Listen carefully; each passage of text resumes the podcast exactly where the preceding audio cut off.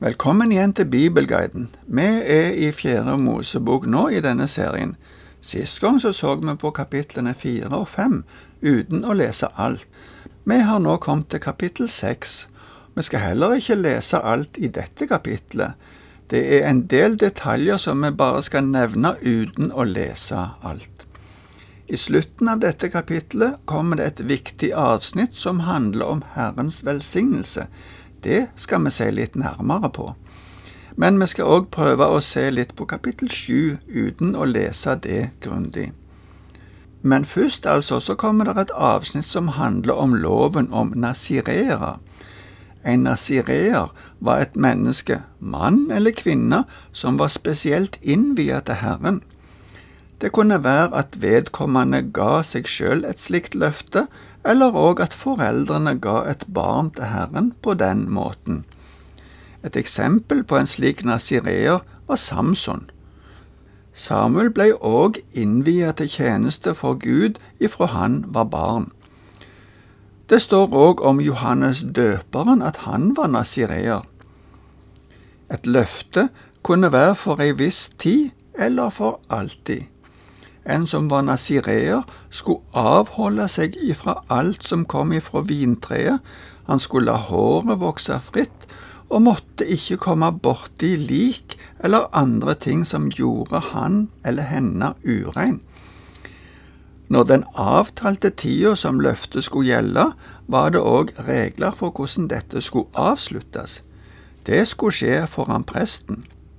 I kapittel 6 i Fjerde Mosebok kan du lese om dette fra vers 1 til 21, men vi leser det ikke i denne omgang.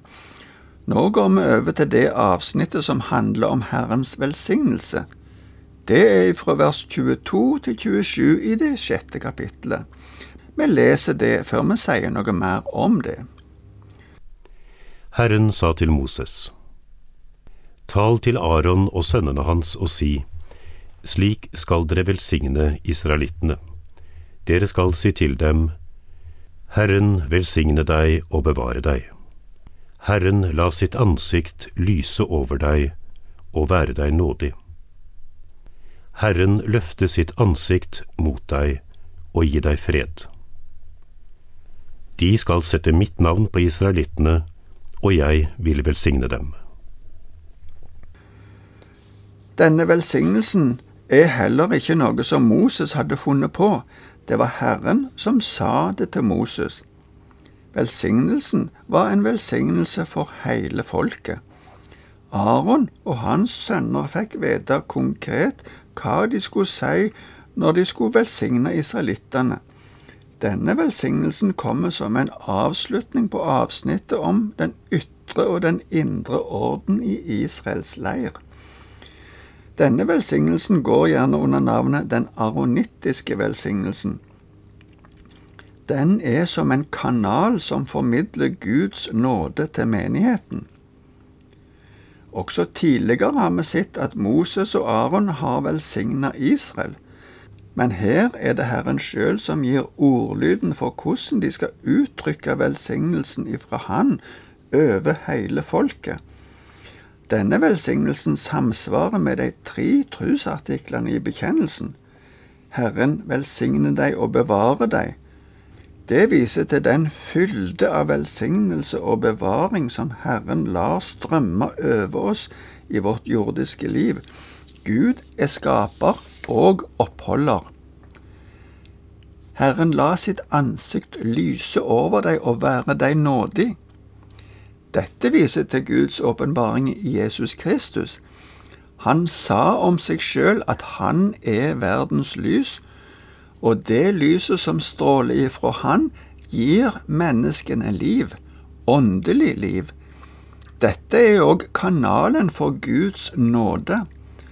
Det er Jesu frelsesverk som er grunnlaget for at vi skal kunne få nåde hos Gud. Herren løfte sitt ansikt mot deg og gi deg fred. Dette peker på den tredje personen i treenigheten, nemlig Den hellige ånd. Gud gir sine gaver i Den hellige ånd. At Herren løfter ansiktet, viser til oppmerksomhet og henvendelse. Ånden gir hjertet troens fred når Ånden kommer inn i hjertet. Herrens navn kommer tre ganger i denne velsignelsen, og i det siste verset i teksten blir det òg sagt at på denne måten så skal de, altså prestene, sette Herrens navn på israelittene. Det kan en tenke på som en underskrift eller et stempel som settes på et dokument for å vise hvem som garanterer for det som er sagt. Kapittel sju går tilbake i tid. Det begynner med å si da Moses var ferdig med å reise boligen. Det er det som vi leser om i det siste kapittelet i andre Mosebok. Telthelligdommen var ferdig den første dagen i den første måneden, og tellingen av Israel begynte den første dagen i den andre måned. I kapittel 10 vers 11 så ser vi at den tjuende dagen i den andre måneden så gikk signalet for oppbrudd. Lederne i hver stamme i Israel kom med noen ekstra gaver til helligdommen, det ser ut til at disse gavene ble gitt i forbindelse med innvielsen, og i fortsettelsen av den. Sjølve innvielsen leste vi om i Tredje Mosebok i kapittel ni. Vi skal lese versene 1-9 i kapittel 7 her i Fjerde Mosebok. Da Moses var ferdig med å reise boligen, salvet og helliget han den og alt utstyret som hørte til. Alteret og utstyret som hørte til det, salvet og helliget han. Da kom Israels ledere fram, de som var overhoder for familiene og ledere for stammene, de som sto over alle som var mønstret. De brakte sine offer fram for Herren, seks vogner med tak og tolv okser, én vogn for to ledere og én okse for hver av dem. De førte dem fram foran boligen. Herren sa til Moses, Ta imot disse, de skal brukes til arbeidet ved telthelligdommen. Gi dem til levittene, til hver enkelt etter det arbeidet han har. Moses tok vognene og oksene og ga dem til levittene. Han ga to vogner og fire okser til Gershon-sønnene etter det arbeidet de hadde. Han ga fire vogner og åtte okser til Merari-sønnene etter det arbeidet de hadde hos Itamar, sønn av presten Aron. Han ga ikke noe til Keat-sønnene, for de skulle ta vare på det hellige og bære det på skuldrene. Det var to og to ledere som hadde gått i sammen for å lage ei vogn med tak, til sammen seks vogner. Disse var nyttige til å frakte tabernakelet. Det ble gitt til de som hadde mest å frakte, men de som skulle frakte de spesielt hellige tingene, skulle bære disse ikke sette de på ei vogn. Lederne for stammene hadde også andre gaver til helligdommen. Disse ble båret fram ifra én leder om gangen. Det var én av lederne som kom hver dag. Det var fat og skåler med mjøl, olje og røkelse som kunne brukes i gudstjenesten. I tillegg kom de med en rekke dyr som skulle ofres. Vi leser ifra vers 10 til 17. Lederne kom med offer til innvielsen av alteret da det ble salvet, og bar ofrene sine fram til alteret. Da sa Herren til Moses, Lederne skal komme hver sin dag og ofre sine offer til innvielsen av alteret. Den som bar fram offeret sitt første dagen, var Nashon, sønn av Abinadab, fra Judas stamme. Hans offer var et sølvfat som veide 130 sjekel, og en sølvskål på 70 sjekel etter vekten i helligdommen, begge fulle av hvetemel blandet med olje til grødeoffer, en gullskål på ti sjekel full av røkelse, en ung okse fra flokken, en vær og et årsgammelt værlam til brennoffer, en geitebukk til syndoffer, og til fredsoffer to okser, fem værer, fem bukker og fem årsgamle værlam. Dette var offeret fra Nashon, sønn av Aminadab. Det var lederen for judastammen som kom den første dagen. Her var det både grødeoffer, brennoffer og fredsoffer. De neste dagene kom det en ny leder for hver dag. Offeret var det samme, Både skålene og dyra hadde samme antall og vekt. Vi skal ikke lese disse gjentagelsene, jeg skal bare nevne at rekkefølgen på de som kom, var etter slik som de var plassert rundt leiren. Juda kom først, som vi nevnte, etter han kom Isakar og Sebulon, som sammen med Juda hadde leirene sine i øst. Etter de kom Ruben, Simon og Gad, som hadde leirene sine i sør, og så kom Efraim, Manasseh og Benjamin, som var i vest, og til slutt Dan, Asher og Naftali.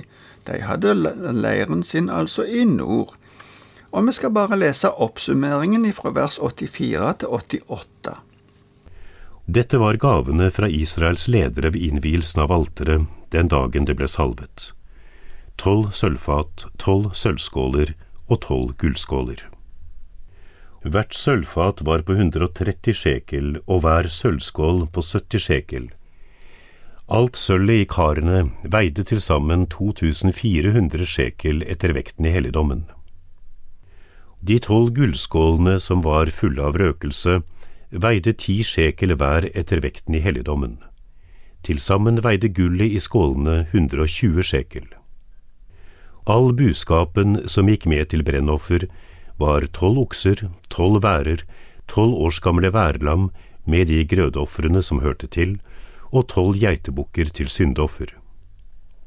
All buskapen som gikk med til fredsoffer var 24 okser, 60 værer, 60 bukker og 60 års gamle værlam.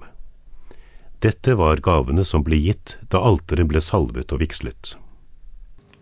Til sist i dette kapitlet kommer det en opplysning om hvor Moses snakket med Gud. Moses hørte Guds røst ifra soningsstedet.